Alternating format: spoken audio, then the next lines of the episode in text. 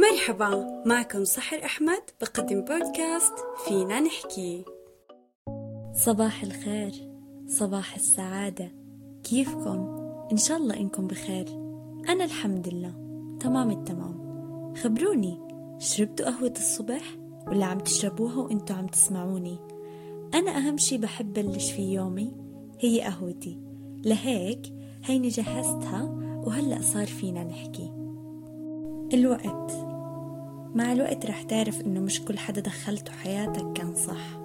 ورح تتأكد إنه في ناس أهملتها وما أعطيتها حقها. ورح تعرف إنهم ما كانوا بيستاهلوا هالإهمال. مع الوقت رح تقدر تشوف كل شي بوضوح.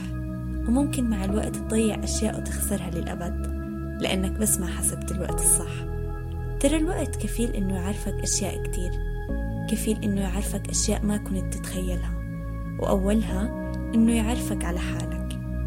هو بس الوقت قادر إنه يغير مفاهيمك وقناعاتك بكل شي حواليك وجواتك. هو الوقت دايما بثبت لنا إنه ما في شي بضل على حاله وكله بتغير.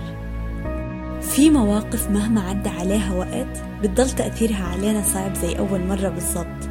يمكن الفرق الوحيد إنه الوقت بخلينا ننشغل شوي فبيبدأ تفكيرنا يقل بهاي المواقف.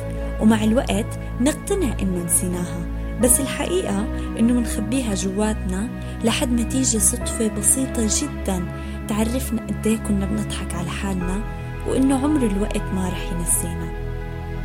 الوقت مو مهمته ينسيك شي بس بخفف شعورك بالانزعاج لأي شي. إنت اليوم بتشتاق لحدا كتير بكرة اشتياقك بخف وبعد يوم رح يخف أكتر. ما في حدا بتنساه على الأخير وما في شي بينمحى من ذاكرتك كأنه ما صار. كله بيبقى بس ما بيكون مثل أول مرة.